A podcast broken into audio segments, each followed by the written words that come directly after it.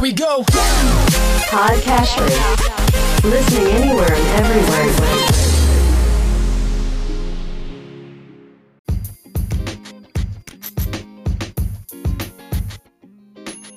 Welcome to Weekly Investment Podcast bersama saya Ferdian Syahputra dari Ispring Investment Indonesia untuk Prudential Indonesia.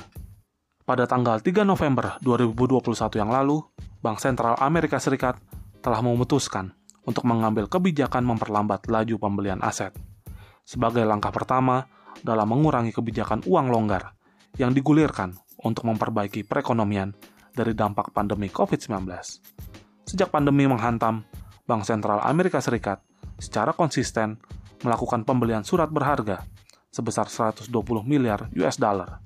Sekarang, mereka memutuskan akan secara bertahap memperlambat laju pembelian aset sebesar 15 miliar US dollar per bulan dan dalam 8 bulan ke depan. Kebijakan memperlambat pembelian aset oleh Bank Sentral Amerika Serikat sebelumnya pernah dilakukan pada 2013 yang lalu. Dan saat itu, menimbulkan gejolak di pasar keuangan di berbagai negara, termasuk di Indonesia.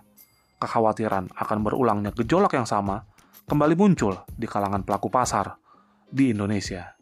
Namun, menurut pandangan Ispring sendiri, dampak dari perlambatan pembelian aset oleh Bank Sentral Amerika Serikat kali ini tidak akan sebesar yang lalu. Pandangan tersebut dilatar belakangi oleh beberapa hal.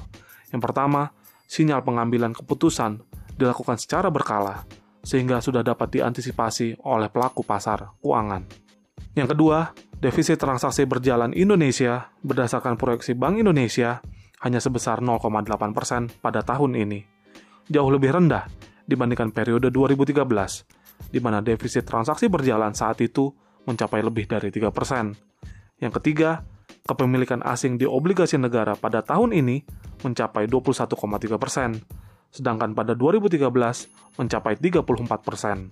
Yang keempat, cadangan devisa Indonesia per September 2021 telah mencapai 146,9 miliar US dollar, lebih tinggi dibandingkan dengan cadangan devisa pada akhir 2012 yang mencapai 112,8 miliar US dollar.